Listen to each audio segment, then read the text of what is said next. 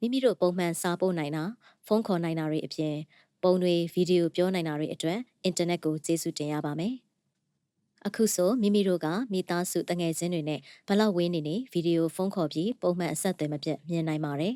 ။နေ့စဉ်လုပ်ဖို့ကင်ဘတ်တွေနဲ့ချိတ်ဆက်ဖို့အလုံးမှလည်းစာပို့ application တွေကိုအသုံးပြုလာရပါတယ်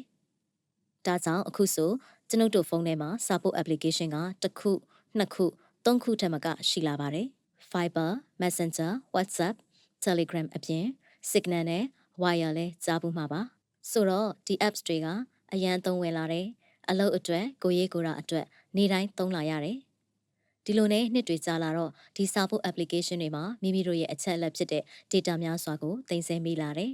။စာတူတွေပုံတွေဗီဒီယိုတွေအန်ရည်များတဲ့အလုပ်ဖိုင်တွေ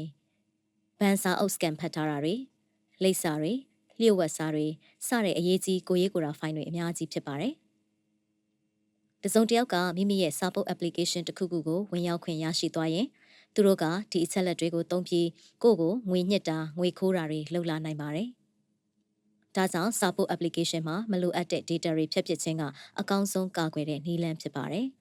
။စာပုတ် application အများစုမှာယခုအခါမတူညီတဲ့ data ဖြတ် setting မျိုးမျိုးရှိနေပါတယ်။ မိမိတို့အနေနဲ့တည်တဲ့ Viber, Messenger နဲ့ Telegram စာပုတ် application ၃မျိုးကိုဝေမျှပေးပါမယ်။ Viber ကိုရေးကိုရာစက်တင်များ Viber မှာအုပ်စုလိုက်ပြောထားတဲ့ chat ဒါမှမဟုတ်တူးချင်းပြောထားတဲ့ chat မှာဖြစ်ဖြစ်မိမိ message ရိုက်ထည့်တဲ့အောက်မှာနာယီသင်္ကေတကိုတွေ့ရပါမယ်။ဒါက timer တစ်ခုပါ။ message တွေပို့ပြီးရင်သူတို့ဖာသာပြတ်သွားအောင်တနာရီသို့မဟုတ်တရက်အချိန်သတ်မှတ်ဖို့ဖြစ်တယ်။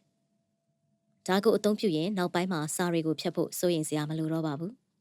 ။နောက်ထပ်အသုံးဝင်တဲ့ Fiber setting က hidden sets ဖြစ်တယ်။တခိုးကိုမမြင်စေချင်တဲ့တိကျစကားပြောဆိုထားတာကိုဖျောက်ဖို့အဲ့ဒါကိုသင်သုံးနိုင်တယ်။သူ့ကိုဖွင့်ဖို့သင်ဝှက်ထားလို့တဲ့ချက်ကိုသွားပါ။ညာဘက်အပေါ်တောင်းမှာရှိတဲ့ asset 30ကိုနှိပ်ပြီး chat data ကိုရွေးချယ်ပါ။အဲဒီနောက် hide this chat ကိုနှိပ်ပြီး pin code တစ်ခုပေးပါ။ ဒါဆိုအဲ့ဒီချက်ကိုယခုတင့်ပင်မစာတူများစာမျက်နှာကနေဝှက်ထားပါလိမ့်မယ်။သူကိုပြန်ရှာဖို့အဲ့ဒီချက်ကိုရှာဖွေပြီးပင်ကိုရိုက်ထည့်ရန်လိုအပ်ပါမယ်။ကိုရေးကိုရာစက်တင်ကိုလည်းစစ်ဆေးသင့်ပါတယ်။အကောင်းဆုံးလုံခြုံရေးအတွက်ဒီနေရာမှာအရာအလုံးကိုအမှတ်ချက်မထားခြင်းကအကောင်းဆုံးဖြစ်ပါတယ်။ Messenger ကိုရေးကိုရာစက်တင်များကဲ Messenger ကိုကြည့်ရအောင်။ Messenger မှာ Viber လိုမျိုးအလားတူဖြတ်ပစ်တဲ့တိုင်မာရှိပါတယ်။ Messenger မှာလျှို့ဝှက်စကားပြောဆိုမှုလို့ခေါ်တယ်။ရှိပြီးသားစကားပြောထားတာတွေကိုတိုင်မှာတိုက်ရိုက်ထည့်လို့မရပါဘူး။မိမိရဲ့တငယ်ချင်းနဲ့လျှို့ဝှက်စကားဝိုင်းအစ်စ်ကိုသာစတင်လို့ရပါတယ်။တူးချင်းချက်တွေအတွက်ပဲတိုင်မှာရပါတယ်။အုပ်စုဖွဲ့ပြောဆိုခြင်းမှမရပါဘူး။စတင်ဖို့တငယ်ချင်းကိုရွေးချယ်ပါ။ညာဘက်အပေါ်တောင်းရှိ I icon ကိုနှိပ်ပါ။ end to end conversation အစမှအဆုံးကုတ်ဝှက်ထားသောစကားပြောကန်းကိုစတင်ပါကိုရွေးချယ်ပါနာယီ icon ကိုနှိပ်ပါကတနာယီသို့မဟုတ်တရက်ကဲ့သို့ဖြတ်ပစ်တဲ့တိုင်းမှာကိုသတ်မှတ်နိုင်ပါပြီ Telegram ကိုရေးကိုရာစက်တင်များကဲ Telegram က Messenger နဲ့ဆင်တူတယ်သူ့ကိုလည်းလျှို့ဝှက်စကားပြောကန်းလို့ခေါ်တယ်